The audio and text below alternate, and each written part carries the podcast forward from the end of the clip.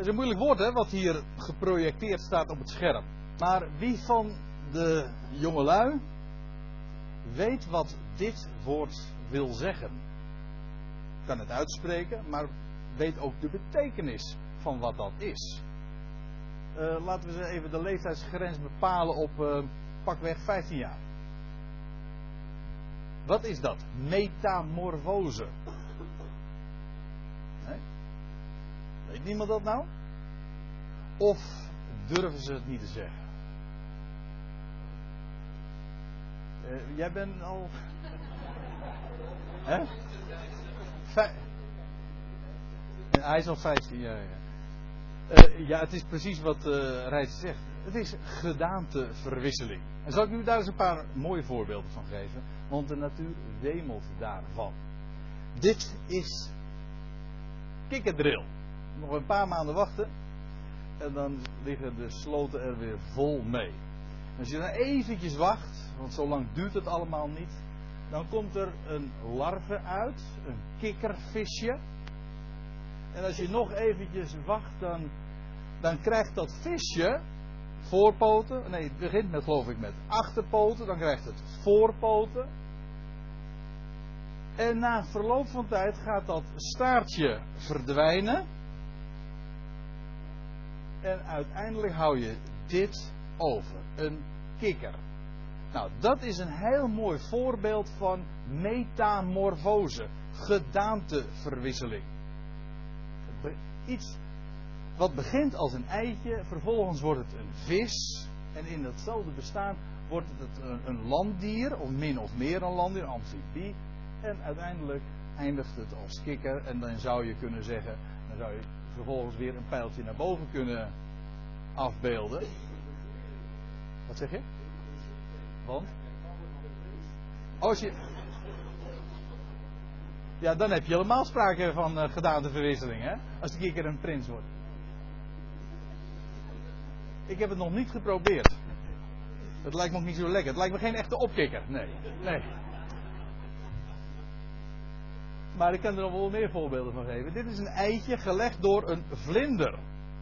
Als je even wacht, dan wordt die vlinder, pardon, dat, wordt dat eitje, komt uit en dan komt daar een rups uit.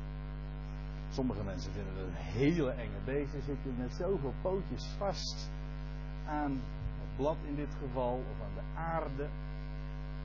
Maar na verloop van tijd gaat zo'n rups poppen. En gaat hangen aan een takje bijvoorbeeld, of aan een muur, of weet ik veel waaraan nog meer. En dan gaat hij zich helemaal inspinnen en maakt hij zich een kokon, of maakt hij zich, dan wordt er een kokon gemaakt, want het is een, niet een activiteit van het beestje zelf, dat ondergaat het gewoon. En nog even later, daar in die kokon vindt een compleet godswonder plaats. Ja, het is gewoon een godswonder. Het is natuurlijk een, echt een godspe om te zeggen van dat dat allemaal gewoon vanzelf ontstaan is uit een oerknal ooit. Ja, zo is dat gegaan. Nou, wie het gelooft, die, uh, die heeft dus een heel groot geloof, ja. Uh, maar in die kokon vindt een compleet wonder plaats, want daar wordt die rups helemaal getransformeerd in een ander beest. Ja, het is hetzelfde beest en toch is het, wordt iets totaal anders. Het komt vervolgens op een gegeven ogenblik uit die kokon. En wat is er geworden? Een prachtige vlinder die zo de hemel invliegt. Niet meer vast aan deze aarde. En die rups van rechts, dat is dezelfde als die vlinder links. Nou, in dit gegeven geval weet ik dat niet direct, maar bij wijze van. Een rups wordt een vlinder. Een complete gedaanteverwisseling. Metamorfose. En daar zijn er talloze voorbeelden van in de natuur. Met name dus in de insectenwereld. Want wat dacht u van een libelle? Een prachtige libelle die je in de zomer dan ziet vliegen. Die is ooit zijn carrière, zijn bestaan begonnen als een waterkever. Ja, echt wel. Eerst, eerst altijd onder het wateroppervlak. En dan kon die niet eens leven boven het wateroppervlak. En vervolgens ondergaat zo'n beestje een complete metamorfose en kan die niet meer leven, kan die niet eens meer leven onder water. En is het een totaal ander dier eigenlijk geworden. Je zou zweren dat het een totaal ander beest is. En toch is het gewoon een voorbeeld van metamorfose. Wat dacht u van dit? Een eendagsvlieg. Hè? We hadden het vanmorgen eerder nog over eh, een eendagsvlieg. Over, ja, toen hadden we het over een politicus. Dat zijn van die eendagsvliegen vaak ook. Hè? Ja. Ja, daar is ook het beroemde grapje over wat het uh, toppunt van tragiek is. Ja? Een eendagsvlieg zijn en je dag niet hebben. Ja, dat is erg zielig. Hoewel ik het enigszins moet nuanceren, want een eendagsvlieg, dat is in wezen het imago, zo noemen ze dat, het uiteindelijke stadium waarin zo'n metamorfose dan in, in eindigt. Want zo'n eendagsvlieg heeft, uh, voordat het een eendagsvlieg was, al een, een jaar of, uh, ja, ik geloof een jaar of zo uh, geleefd. Namelijk als een larve in het water, onder water. Dat wist u misschien niet. Dus zo'n eendagsvlieg is in wezen al heel wat ouder. Alleen in dat stadium van eendagsvlieg ja, leeft hij maar een paar uur, een dag soms een paar dagen. En je hebt ook van die insecten die, die niet eens een mond hebben om te eten. En daarom gaan ze ook meteen weer dood. Maar goed, ze hebben maar één functie daar nog en dat is nageslacht voortbrengen. Om de dood zeg maar te overwinnen en om toch te overleven. Weet je meteen ook waar het de hele natuur van spreekt. Dat, is, dat zijn allemaal van die voorbeelden van metamorfose. Maar feitelijk, als ik zo hier in de zaal kijk en u kijkt naar mij, dan zien we ook voorbeelden van allemaal. Dat zijn allemaal voorbeelden van metamorfose.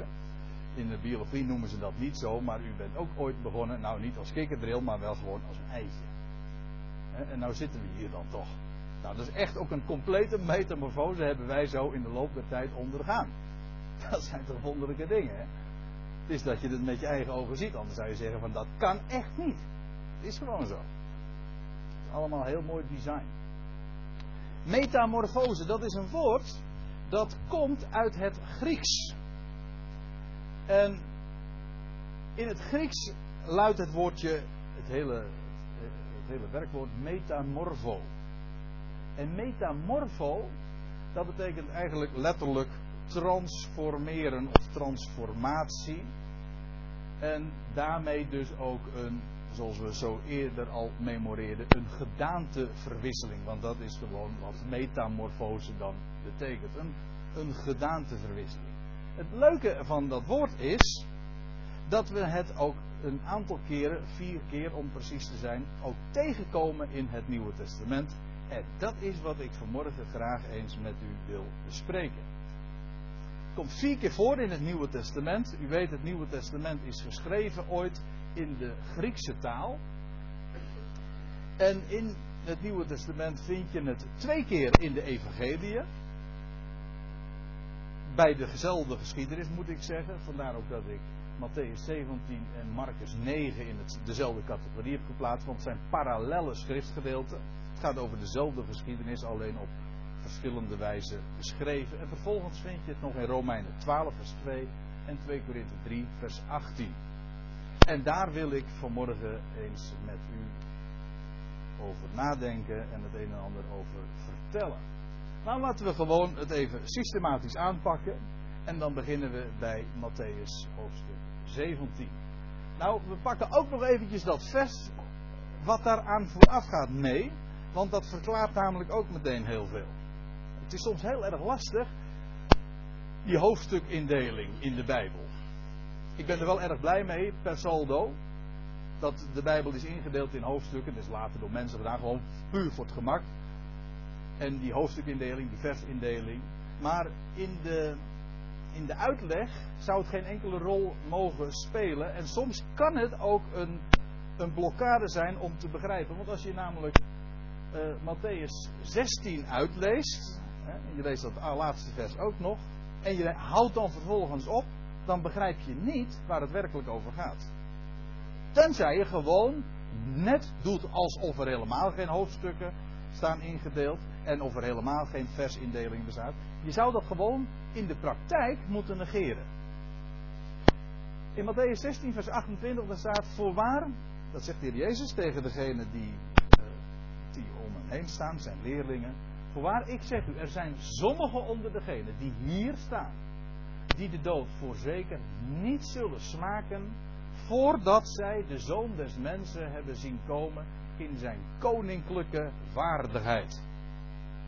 Als je hier stopt, dan denk je, hé, hey, dat is nooit vervuld. Dat er mensen zouden zijn van de, de leerlingen van de Heer Jezus, die de Heer Jezus hebben zien komen in, in zijn wederkomst in zijn, en, en hebben, hebben gezien in zijn, zijn terugkeer als de, als de zoon des mensen. Die hebben dat niet, gemaakt, niet, niet meegemaakt. Die mensen zijn allemaal al overleden. Die hebben de dood dus wel gesmaakt. Hoe zit dat? Nou, ik adviseer, lees gewoon door. Want daar staat meteen ook het antwoord. Lees maar verder. En zes dagen later, dus op de zevende dag, ik zeg het even erbij. De zevende dag.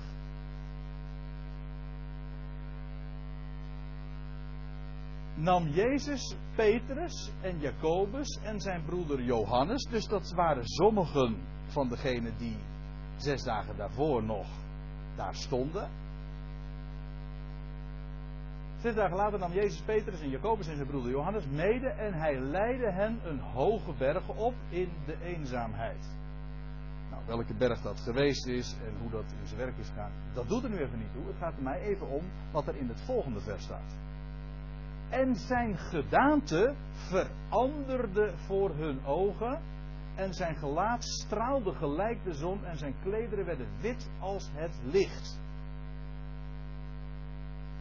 En het woord wat hier staat in de grondtekst, dit is een vertaling uiteraard, maar zoals het ooit is opgetekend door Matthäus in, het, in de Griekse taal, dat, daar staat hier dat woordje metamorfo, metamorfose, gedaanteverwisseling. Wat hier wat hier dus beschreven wordt is een, de metamorfose die zij waarnemen. Overigens moet ik erbij bij zeggen, later in dit gedeelte lees je dat, de, dat Johannes, Petrus en Jacobus een, een gezicht hebben gezien. Het was niet werkelijk zo. Het was een gezicht, een visie, het, gewone woord voor visioen wordt daar ook gebruikt. Zeker ook in verband met wat je vervolgens ook nog leest over Elia en Mozes. Of Mozes en Elia die daar op de berg verschijnen en converseren met de Heer Jezus. Dat was een gezicht, een visioen. Doet nu allemaal even niet de zaak, want het gaat me namelijk niet om de geschiedenis zelf. Het gaat me even om de wijze waarop het woord gebruikt wordt. De Heer Jezus onderging hier voor hun ogen in, het, in dat gezicht, wat ze zagen, een metamorfose. En terwijl hij gewoon een, als, eh, in zijn gedaante een sterfelijk mens was, zoals u en ik, onderging hij dus die metamorfose. En zijn gelaat straalde zoals de zon. En zijn klederen werden wit als het licht. Dat wil zeggen, ze zagen hem nu in die heerlijkheid die hij later ook daadwerkelijk zou krijgen. Want Johannes heeft hem inderdaad ook in deze gedaante ooit gezien als de opgestane. We lezen daarvan in, in het boek Openbaring dat de Heer Jezus als de zoon des mensen aan hem verschijnt. En dan lees je dat zijn, zijn gezicht straalde gelijk de zon die schijnt in haar kracht. Dat wil zeggen gewoon op het, in, in het middaguur. Op het, op het allersterkst. Daar kun je niet in kijken. Je leest trouwens ook dat Johannes als dood voor zijn, ogen, voor zijn voeten neervalt. En je leest trouwens ook dat zijn kleren, zijn kleren werden wit als het licht. Een complete metamorfose dus. Nou, wat Jacobus, Petrus en Johannes hier hebben gezien, dat was dus in wezen de Heer Jezus in zijn koninklijke waardigheid. Dat, dat hele plaatje wat ze daar gezien hebben op die berg, op zich al een beeld van het koninkrijk. Maar wat ze daar gezien hebben op die berg, dat is een uitbeelding van de Heer Jezus in zijn terugkeer, in zijn koninklijke waardigheid. En voordat zij eh, stierven, hebben zij de Heer Jezus dat en in zijn koninklijke waardigheid al gezien. Dus de voorzegging van de Heer Jezus in Matthäus 16, vers 28 is dus met recht ook uitgekomen. Goed, dat gedeelte in uh, Marcus 9 laat ik even voor wat het is, omdat het namelijk gewoon parallel loopt. Dat is dezelfde geschiedenis, die gedaanteverwisseling, de transfiguratie noemen ze dat in het Engels, de transfiguration van uh, die, geschiedenis die we vinden in de Evangelie een transfiguratie, net een soort van transformatie. Dat is misschien nog het woord wat we het beste weergeeft. Dan gaan we vervolgens naar Romeinen 12. Daar komen we dus in de brieven en Paulus gebruikt deze term metamorfose ook twee keer. En daar wil ik met name vanmorgen eens uw aandacht graag voor vragen.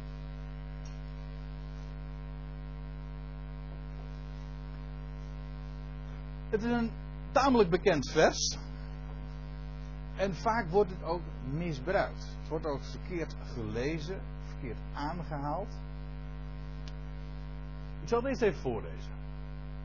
Schrijft Paulus, er zijn al elf hoofdstukken aan vooraf gegaan, maar in vers 2 van Romeinen 12 schrijft hij: En wordt niet gelijkvormig aan deze wereld. Nou, het woord wereld is geen correcte weergave trouwens. De meeste vertalingen staat zo, maar er staat het woordje aion. En dat is tijdperk, een wereldtijdperk. Wordt niet gelijkvormig aan dit, deze wereldtijd. De, de wijze waarop de wereld zich in deze tijd manifesteert. Wordt daar niet gelijkvormig aan, maar wordt hervormd. Door de vernieuwing van uw denken. Wordt hervormd. Hier staat exact dat woord weer waar we het vanmorgen over hebben. Eerst werd het vertaald met hun gedaante veranderde. Hier wordt het vertaald met wordt hervormd. Een hervorming ondergaan. Een transformatie. Maar het woord wat hier gebruikt wordt is. Maar onderga een transformatie. Een metamorfose. Hoe? Door de vernieuwing van uw denken. Opdat gij moogt erkennen wat de wil van God is. Het goede, het welgevallen en volkomene.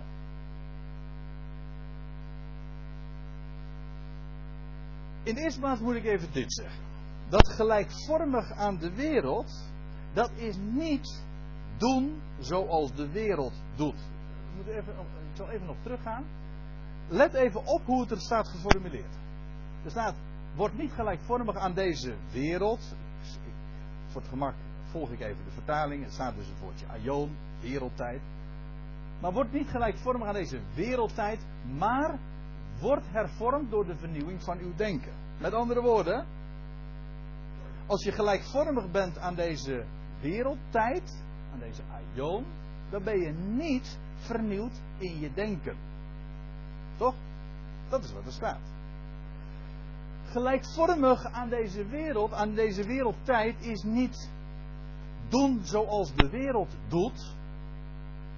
Want er is al er liggen al vele eeuwen achter ons en daar is in de christenheid heel veel ook aan opgehangen, veel uiterlijkheid. He, daar waarbij er gezegd werd van ja, je moet je anders kleden, je moet anders doen, he, je anders, uh,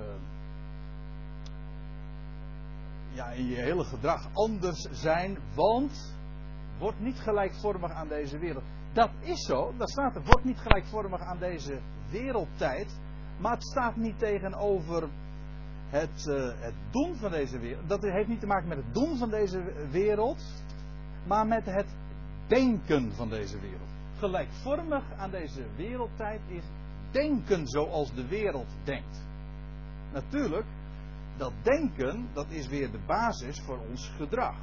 Voor ons handelen, voor ons wandelen, voor ons kleden. En, uh, kortom, voor alles. Dat is waar, maar de essentie van gelijkvormigheid aan deze wereldtijd is niet dat je doet zoals de wereld doet. Laten we nou gewoon eerlijk zijn. Ons gedrag is voor een groot gedeelte gewoon exact hetzelfde als van uw ongelovige collega of uw nietsvermoedende buurman of buurvrouw. We rijden in auto's, net als zij. We eten, we eten onze maaltijden, net als zij. We hebben onze vrienden, net als zij. We kijken naar de televisie, we lezen een krant. U zegt, ja, maar ik lees het Reformatorisch Dagblad. Nou, oké, daar zou dan nog misschien het verschil in zitten. Nou, daar zullen we het verder maar niet over hebben. Hè? En sommige mensen die denken dus echt van dat, dat het in dat soort dingetjes zit. Want dat ze niet op zondag fietsen, zoals ze in de wereld wel op zondag fietsen of met de auto gaan of een ijsje eten zulke dingen. Ja, echt waar. Er zijn er velen die zo ook opgevoed zijn. Maar dat is het niet. Het heeft te maken met het denken van deze wereld. Deze, de wereld denkt anders. Want je kunt natuurlijk wel gewoon zeggen: van ja, we moeten anders ons gedragen. Maar weet je wat je feitelijk doet? Dat is eh, een soort van dresseren. Precies wat je ook een hond doet en die je opvoedt. Die leer je in feite gewoon kunstjes. En zo vindt dat ook heel dikwijls plaats in, in de christelijke wereld. Nee, er worden gewoon kunstjes geleerd. Zo zijn onze manieren.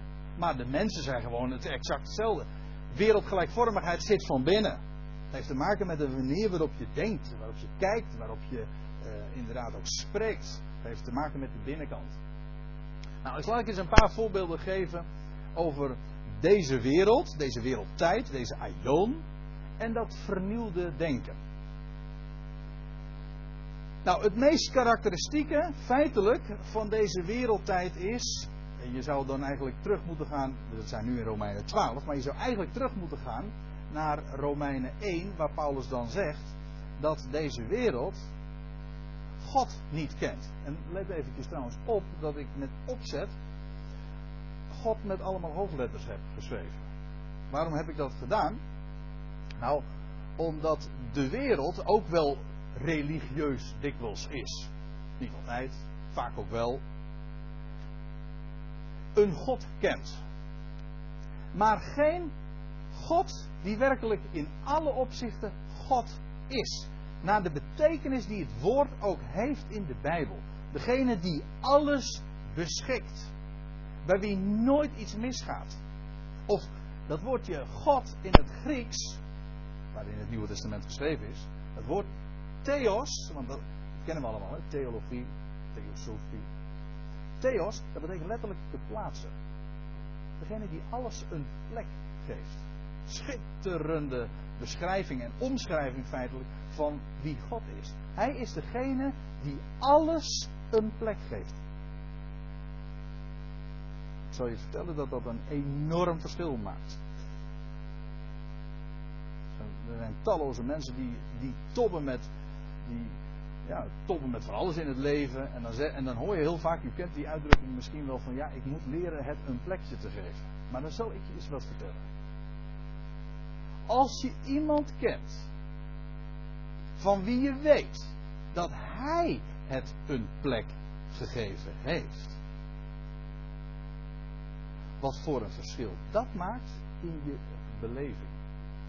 Hoe dat je denken gaat beïnvloeden. Als je God kent. De wereld kent God niet als de grote beschikker die alles omvat, die nooit laat varen de werken van zijn handen. Dat is God. De wereld kent God niet. Als je vernield wordt in je denken, niet uh, uh, moderner gaat denken. Vernieuwd denken is wat anders dan modern denken. Want modern denken, dat is helemaal niet nieuw denken. Want modern denken van nu, dat is hetzelfde als het ouderwetse denken van morgen. Ja, want wat nu modern is, eh, vind ik altijd zo eh, lachwekkend als je nog wel eens een keertje van die oude radiofragmenten hoort. Of je leest in oude tijdschriften vanuit de jaren 60 of zo. En dan, dan, lees je ook van in onze moderne tijd waarin we auto's rijden enzovoort. Hè? En, dan, en dan, dan ben je inmiddels alweer 40, 50 jaar verder. Dan lachen we daar alweer om. Je dat, dat noemen wij niet meer modern. Dat is ouderwets. Nee, maar vernieuwd denken is een totaal ander denken. Dat is nieuw. Dat is echt totaal anders. De wereld gaat, opdat ze geen God kent, uit van een oerknal. Zo is de wereld ontstaan. Heel ander begin en moet, alles is dus vanzelf ontstaan. Dat kan helemaal niet, maar het moet dan wel, als je, God, als je op voorhand ervan uitgaat, er is geen God, moet alles dus vanzelf ontstaan zijn. Toch? Of dat je weet, er is een God en dus is alles het resultaat pardon, van creatie. Hij is degene die alles bedacht heeft en gemaakt heeft. Als alles het gevolg is van een oerknal en we zijn vanzelf ontstaan, dat betekent dat dus dat ons leven onbedoeld is. Er is niet iemand die aan het begin staat van deze wereld. en die een betekenis heeft gegeven aan ons bestaan. Nee, het is allemaal zomaar toevallig zo gaat dat ook anders gegaan kunnen zijn. Het is allemaal één Big Bang ooit in een heel grijs verleden. En nou ja, nu zitten we hier. Maar dat betekent dus dat het bestaan onbedoeld en dus zinloos is. Er zijn mensen die inderdaad die conclusie trekken. Die zeggen van, die zeggen van wij zijn nihilisten. Bestaan betekent niets, nihil. De man, eh, hij is uh, nog niet zo lang geleden overleden, Robert Long, die zanger. Ik herinner me nog heel goed een keertje dat er een interview met hem gehouden werd in een, een of andere krant. Nee, dat was niet het Reformatorisch Dagblad. Uh, maar daar werd hij geciteerd en er stond zo'n kop boven. En daar kwam er op neer: het bestaan heeft, heeft geen zin, het gaat maar om één ding: heb ik er zin in? Nou, dat is inderdaad het denken van deze wereld. Bestaan heeft geen zin, het is allemaal volstrekt zinloos. Maar het gaat er alleen maar om of je er nog zin in heeft. En dus in feite ben je dus helemaal overgeleverd nou ja, aan bepaalde uh, lucky omstandigheden, aan de hormonen, en de driften. En als dat uh, kaarsje uitbrandt, dan heeft het dus uh, eerst uit over sluiten.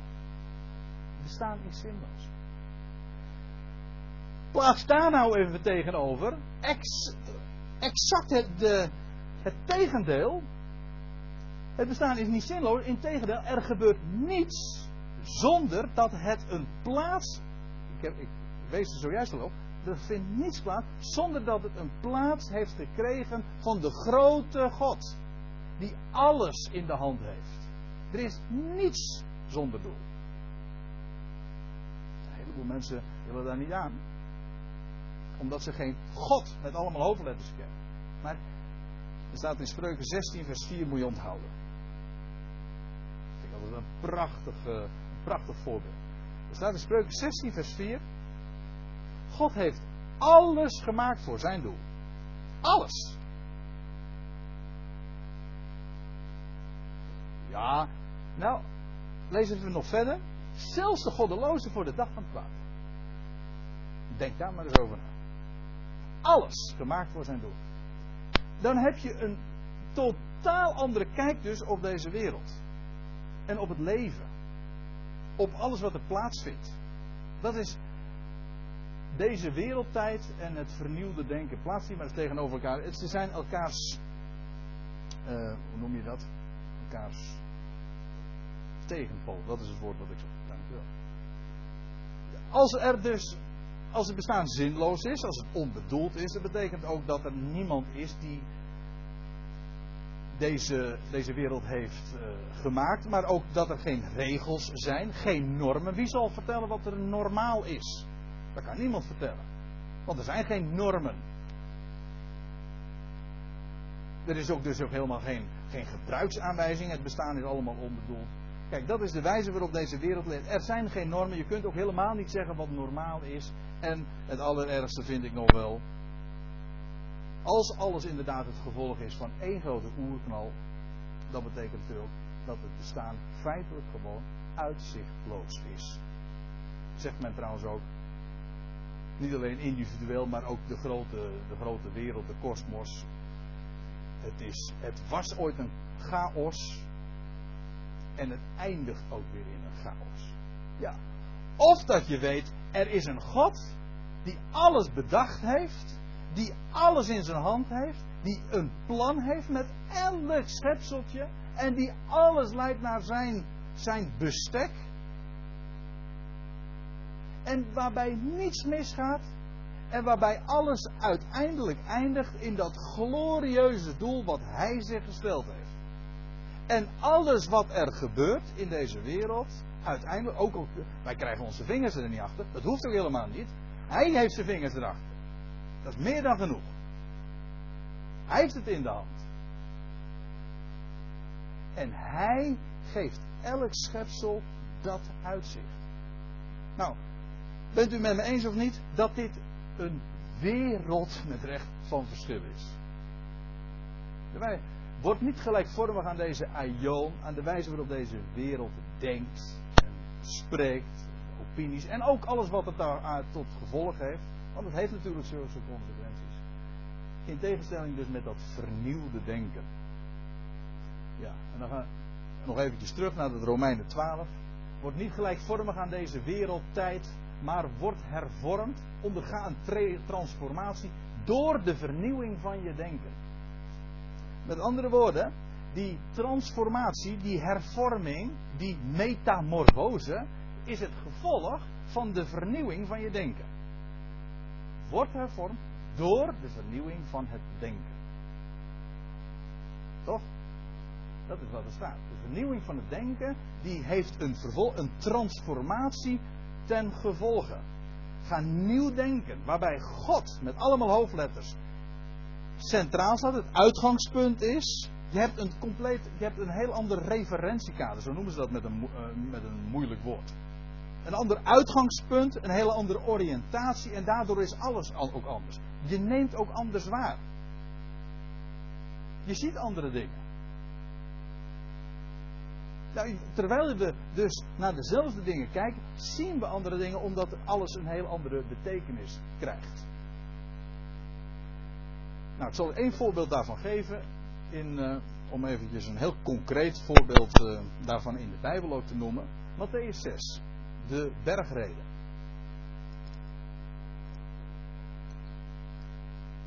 Daar zegt de heer Jezus op een gegeven ogenblik, nadat hij al het een en ander trouwens daarover had gezegd, had voorbeelden ook uit de natuur gegeven. Hij zegt: Kijk naar de leliën van het veld, of kijk naar de vogeltjes, naar de vogelen des hemels. Ze zaaien niet, ze maaien niet, ze brengen niet bijeen in schuren. En toch, ondanks ze. Ze zitten gewoon vogels, zeg maar, te wezen. Nou, ze doen wel heel veel, maar ik bedoel, ze maken zich helemaal geen zorgen. En toch voedt uw hemelse vader Nou, dan zegt hij in vers 31, ik, uh, het is min of meer midden in het gedeelte dat ik begin te lezen. Maak u dan niet bezorgd.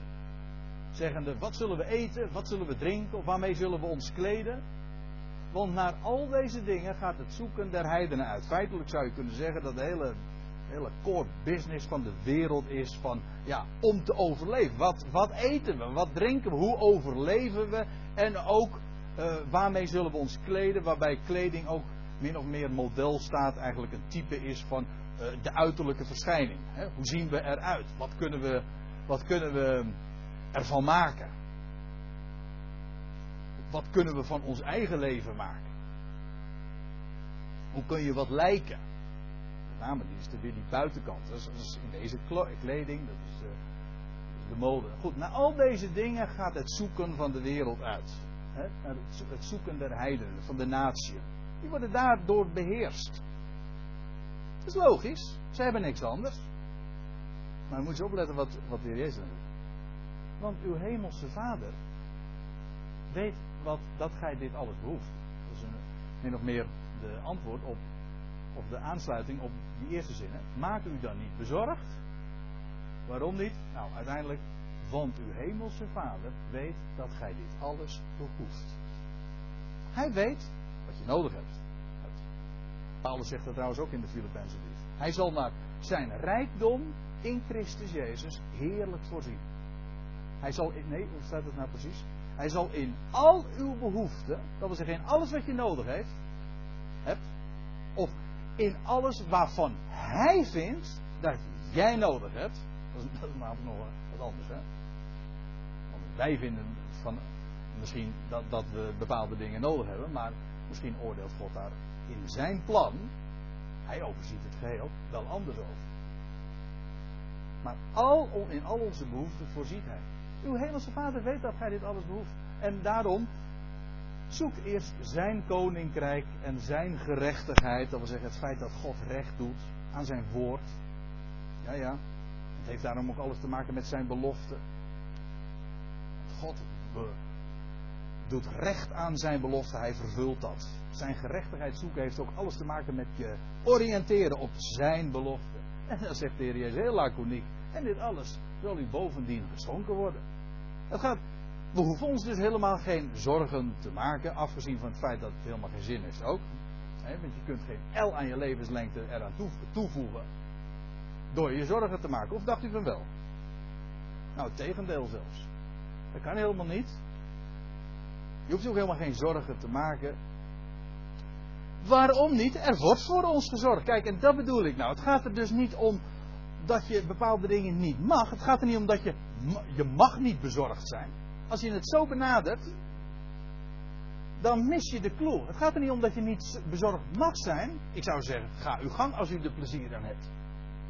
Alleen, het is een, een, mede, een blijde mededeling. Er wordt voor ons gezorgd. En op het moment dat je daarvan bewust wordt, dat is inderdaad een proces dat in je denken plaatsvindt, dat je dat weet, dan gaat, dan gaat dat je veranderen. Als je weet, er wordt voor me gezorgd, dan word je getransformeerd. Dan gaat dat namelijk je hele zijn, je emoties, gaat dat vanzelf beïnvloeden. Daar hoef je nog helemaal niks voor te doen ook. Als je weet dat er voor je gezorgd Kijk, dat is een, heel mooi voorbeeld, vind ik een heel mooi voorbeeld van over getransformeerd worden in je denken. En dan komen we tenslotte bij 2 Korinthe 3 aan. Dat is de het laatste voorbeeld wat ik wil geven. En wil ik ook ietsje uitgebreider op ingaan. Nou, als dat kon. Ik zie dat inmiddels de tijd alweer uh, hard verder gaat. Maar wij hebben nog wat even. De vierde keer dat het woordje metamorfose in het Nieuwe Testament voorkomt, dat is in 2 Korinthe 3 en wel in het 18e vers, het laatste vers van dat hoofdstuk. Ik lees even vanaf vers 17 in eerste instantie. Schrijft Paulus: De Heere nu is de geest. En waar de geest des Heren is, daar is vrijheid. En wij allen die met een aangezicht waarop geen bedekking is, de heerlijkheid des Heren weerspiegelen, veranderen. Het wordt hier weer anders weergegeven. Heel ellendig is dat vaak met Bijbelstudie. Dat, dat bepaalde woorden in het Grieks in de vertaling op tig manieren worden weergegeven. Want dan kun je als, als eenvoudige Nederlandstalige Bijbellezer er niet meer achter komen hoe, het nou, hoe de vork aan de steel zit. Maar hier is het woordje. Het wordt eerst vertaald met gedaanteverwisseling, toen met wordt hervormd en hier weer met veranderen. Maar dat staat er niet. Er staat niet veranderen, het staat veel sterker. Er staat worden getransformeerd. Of worden gemetamorfoseerd. Ik weet niet, dat is geen, dat is geen Nederlands. Uh, maar zoiets. Hè. Ondergaan een metamorfose.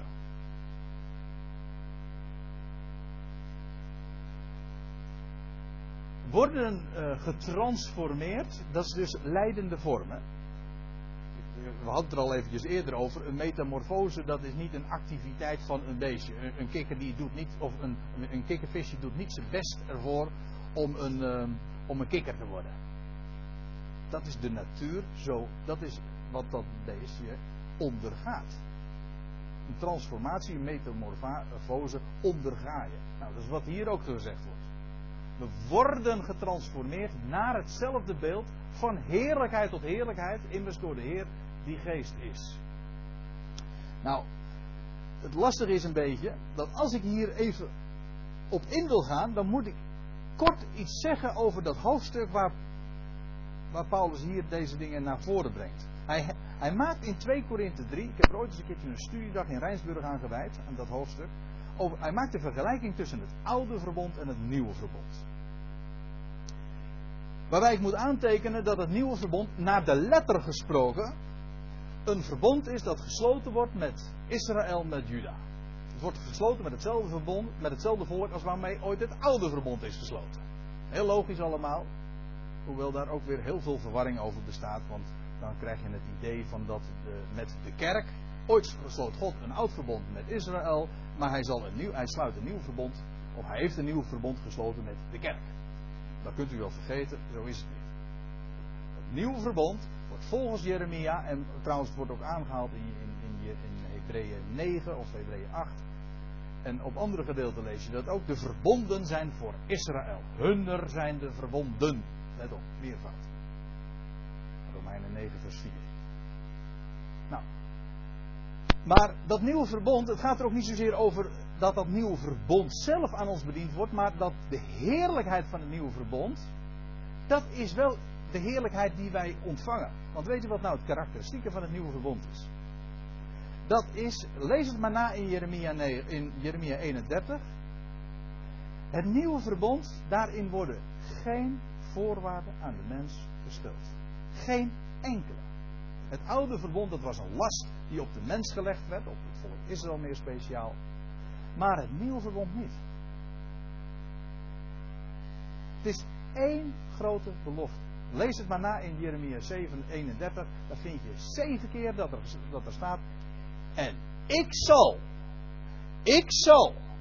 Ik zal. En die ene keer van en op voorwaarde dat niets van En die heerlijkheid van het, van het nieuwe verbond, de heerlijkheid van het nieuwe verbond is dat het onvoorwaardelijk is. God zegt, ik doe het. Wel, die heerlijkheid, dat is de heerlijkheid van het evangelie van Christus. Ik zal dus eventjes kort op een rijtje zetten. U kunt het allemaal nalezen in 2 Korinthe 3. De hele dag verder de rest de tijd voor. Daar ga ik even voor het gemak van uit. Lees het maar eens na. Daar, daar, daar maakt Paulus die tegenstelling. Het oude verbond, dat was een bediening van de dood. Letterlijk vaak zelfs. Want op straffen van allerlei dingen stond de dood. Het nieuwe verbond daarentegen, de heerlijkheid van het nieuwe verbond, als gewoon als, als model, als type van, van het evangelie, wel dat is een bediening van leven. Dat de dood achter zich heeft en daarom onvergankelijk leven aan het licht brengt. Dat is eigenlijk waar het evangelie over gaat. Het is de boodschap van leven dat sterker is dan de dood. Van het geopende graf. Dat is het evangelie dood, leven. En let wel, leven voor de hele wereld. Voor alle mensen. De heerlijkheid van het evangelie is juist dat het leven aankondigt aan wie dan ook, aan elk sterveling. Nogmaals, onvoorwaardelijk. Dat is juist het evangelie. Want op het moment dat je er een voorwaarde aan gaat koppelen, lieve mensen, dan is het geen evangelie meer. Dus erg hard, het is zo. Eh, het is zo. Of nou hard is het, of het hard is, weet ik niet. Het is erg zwart-wit. Als er een voorwaarde aan zit, een klein lettertje. U weet het, hè, hoe dat gaat. Prachtige beloftes. U hebt gewonnen! Dikke, vette letters of u krijgt. Zie je dan in die uh, reclame, uh, reclamefolders of eh, je hoort het op de radio of de televisie. Het, het zit er vol mee. Maar het blijkt altijd gekoppeld te zijn aan voorwaarden. Het evangelie. Geloof dat nou maar. Het oude verbond is voorbijgaand. Daarom is het ook oude verbond. Het nieuwe verbond daarentegen is blijvend. Het heeft alles met elkaar te maken, want omdat het een bediening van dood is, heft het zichzelf in feite ook nog op ook. Want als het eindigt in de dood, ja, dan houdt het op te bestaan. Vandaar ook voorbijgaan. Het nieuwe verbond daarentegen. En de heerlijkheid van het nieuwe verbond is dat het gaat over blijvende zaken. Het oude verbond is een bediening van veroordeling. Lees het ook allemaal maar na in 2 Korinthe 3. Want al die dingen die ik hier nu in dit rijtje noem, die vindt u allemaal in 2 Korinthe 3 terug. Het is een bediening van veroordeling. De nieuwe verbond, de heerlijkheid van het nieuwe verbond, is juist dat het rechtvaardigheid brengt. Lees het maar na. Rechtvaardigheid brengt. En ook hier geldt weer universeel. Het geeft leven aan het ganse mensdom en het brengt ook rechtvaardiging voor heel het mensdom.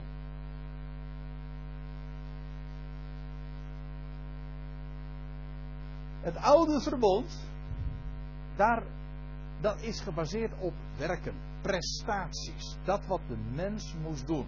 Het was een last. Zo wordt het ook genoemd. Petrus noemt het in Handelingen 15 een juk dat wij nog onze vaderen hebben kunnen dragen. Werken. Men moest werken.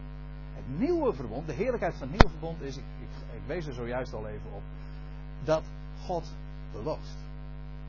Om niet. Onvoorwaardelijk. Hij zegt, ik zal. En het mooie is dat je feitelijk, want als je het, het oude verbond, de, de wet, de tenach, zo ook leest, dan staat daar feitelijk, staan er allemaal beloften. Het is altijd onder het oude verbond, en in wezen is Israël nog steeds, leeft nog steeds onder het oude verbond ten onrechte, maar daar komen ze er zelf wel achter, denk ik dan. Wel als God die bedekking weg gaat nemen. Maar ze leven nog steeds onder het oude verbond. Maar wat dacht je van de kerk? Het volk dat zich in de plaats waant van Israël. die leven ook onder het oude verbond, onder voorwaarden, onder gebukt. Gewoon ook praktijk, in de praktijk het leven. Altijd maar weer bezig. We zijn zondaren. En die, die ontdekking moeten we elke dag weer doen. En we doen toch weer, moeten we ons best doen om het er wat van te maken. Het lukt niet. Maar zo blijf je je hele leven lekker aan het tobben. Tobben, tobben en nog eens tobben. Werken. En het leidt tot helemaal niets. Dat is een bediening van doods en veroordeling. En het staat haaks op het evangelie. Op het goede bericht. Want daar zegt God, ik zal. En moet je nou met zulke ogen eens een keertje de wet gaan lezen. De boeken van Mozes. Want als de bedekking dan weggenomen wordt, dan blijkt daar altijd al gestaan te hebben dat God belooft. Ja, echt. Als, als er staat, gij zult de Heere uw God lief hebben, dan is de oude verbondslezing, als ik het zo mag zeggen, van, oh, wij moeten de Heere God lief hebben, en daar moeten we dus ons best voor gaan doen. En hoe, hoe gaan we dat dan doen? En dan kun je van alles op je hals gaan halen om dat maar te realiseren. Want ja, dat is nogal wat. Gij zult de Heer uw God lief hebben met heel uw hart, met heel uw ziel. Als dat een last is die op je leg, gelegd wordt, dat krijg je niet voor elkaar. Maar lees het nou eens een keertje als een belofte. Dan wordt het ineens iets, iets totaal anders. Dan is het niet meer, gij zult in de zin van je moet, maar dat betekent gij zult feitelijk ook helemaal niet. Gij zult is niet een imperatief zoals dat in, het, uh, in, het, uh, in de taalkunde genoemd wordt. Een, een, een opdracht. In feite is het gewoon een aankondiging. Zoals gij zult vrolijk zijn. Jullie zullen, gij zult de Heer uw God liefhebben. Jullie zullen dat. Dat is een belofte. Kijk, en de grote ellende, en ik zal het eens voorlezen uit Romeinen 9. De grote ellende van Israël was. Nou, ik kan het, zelf, kan zelf formuleren, maar laten we nou Paulus eens een keertje nemen op zijn woord. Hij zegt. Doch Israël. Romeinen 9, vers 31. Doch Israël. Hoewel het een wet van gerechtigheid najaagde, is aan de wet niet toegekomen. Dat wil zeggen, ze zijn er zo mee bezig. Echt najagen. Ze zijn daar zo met een enorme ijver en celotisme mee bezig. Het was nou, Paulus wist daar alles van, want ooit als Saulus van Tarsus was hij daar zo helemaal al, heeft hij het verder gebracht in zijn voorvaderlijke overleveringen dan wie dan ook. Hij zegt, en de wet hebben ze niet begrepen. Dan komt de vraag, waarom is Israël, ondanks het feit dat ze daar zo op gefocust waren, op die wet, en ze kennen die wet, en ze zijn er altijd, altijd, altijd mee bezig, met zo'n enorme ijver, waarom zijn ze er niet aan toegekomen? Nou, dat is de vraag, hè? Waarom dan niet? Het antwoord. Het is zo verbijsterend wat Paulus hier schrijft. Hij zegt, opdat het hierbij niet uitging van geloof, maar van werken. Waarom begrijpt Israël de wet niet? Wel, omdat men uitgaat van werken. Omdat men denkt dat de wet gedaan moet worden. Omdat er prestaties gevraagd worden. Omdat men denkt dat er een last op hun schouders gelegd wordt van wat ze moeten doen. Dat denken ze. Als ze hadden geweten dat de wet belofte is. Gij zult uw naaste lief hebben. Gij zult de Heer uw God lief hebben. Gij zult. Nou, lees, lees al die bepalingen maar. Lees al die beloften maar. Dan ga je God dank zeggen. Want een belofte, daar kun je niks aan doen. Daar kun je alleen maar geloven. Ja of niet. Je gelooft of je gelooft niet. Maar het is een belofte. God zegt, gij zult het. Je zullen dat, jullie zullen dat doen. En waar het nou in het leven om gaat, is dat we gaan begrijpen dat het allemaal beloften van God zijn. En dat we dat zouden geloven. Niet werken, God houdt daar niet van. Helemaal. Ik ook trouwens niet, maar. Maar dat is wat anders.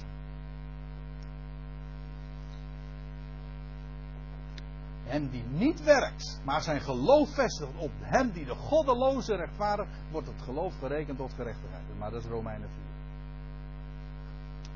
En daar gaat het om. De, hele schrift staat vol met beloften. En nu moet je eens opletten. Uh, wil ik nog even op wijzen. Er staat dus in, in vers 18, en wij allen die met een aangezicht waarop geen bedekking meer is, en dat oude verbond is eigenlijk gewoon een bedekking, opdrachten, waardoor je in feite niet meer ziet waar het werkelijk om gaat. Wel, wij zijn vrij. En als we vrij zijn, alleen de, Heer, de geest werkt daar waar vrijheid is. Zolang je nog leeft onder dat juk, onder die bedekking, dan zal je nooit ondervinden wat hier staat. Wij allen die met een aangezicht waarop geen bedekking is, de heerlijkheid des Heren weerspiegelen, worden getransformeerd naar hetzelfde beeld van heerlijkheid tot heerlijkheid. Nou, wat hier in, wat eenvoudiger woorden uh, wordt, uh, als ik het zo mag weergeven, gezegd wordt, uh, geschreven wordt, is dat daar waar wij de heerlijkheid van de Heer gaan zien, de heerlijkheid van het Evangelie, dat het allemaal beloft is, dan word je vrij, hè? Want, dan rust er geen enkele last meer op je van wat moet en aan opdrachten. Het is God die zijn belofte om niet geeft. En daar waar we die heerlijkheid zien van leven dat overwint alles, de dood, en waarbij het ganse mensdom, de hele schepping, om niet beloofd wordt dat het gesteld wordt in heerlijkheid.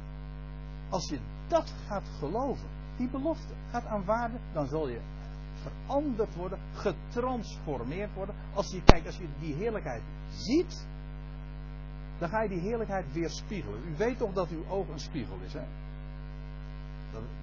Ja, de ogen zijn een spiegel. Kijk maar eens goed in iemands ogen. En eens kijken wie je, dan ziet. Kijk eens goed in de ogen van de ander. En kijken wie je dan ziet. Ja, dan zie je jezelf, ja. Want die ogen zijn gewoon een spiegel. En als je ogen gericht zijn, je, je gelaat gericht is op heerlijkheid, overvloedige heerlijkheid, dan ga je die heerlijkheid weerspiegelen. Dan ga je stralen. Krijg je verlichte ogen, zo noemt Paulus dat. Dan ga je inderdaad stralen.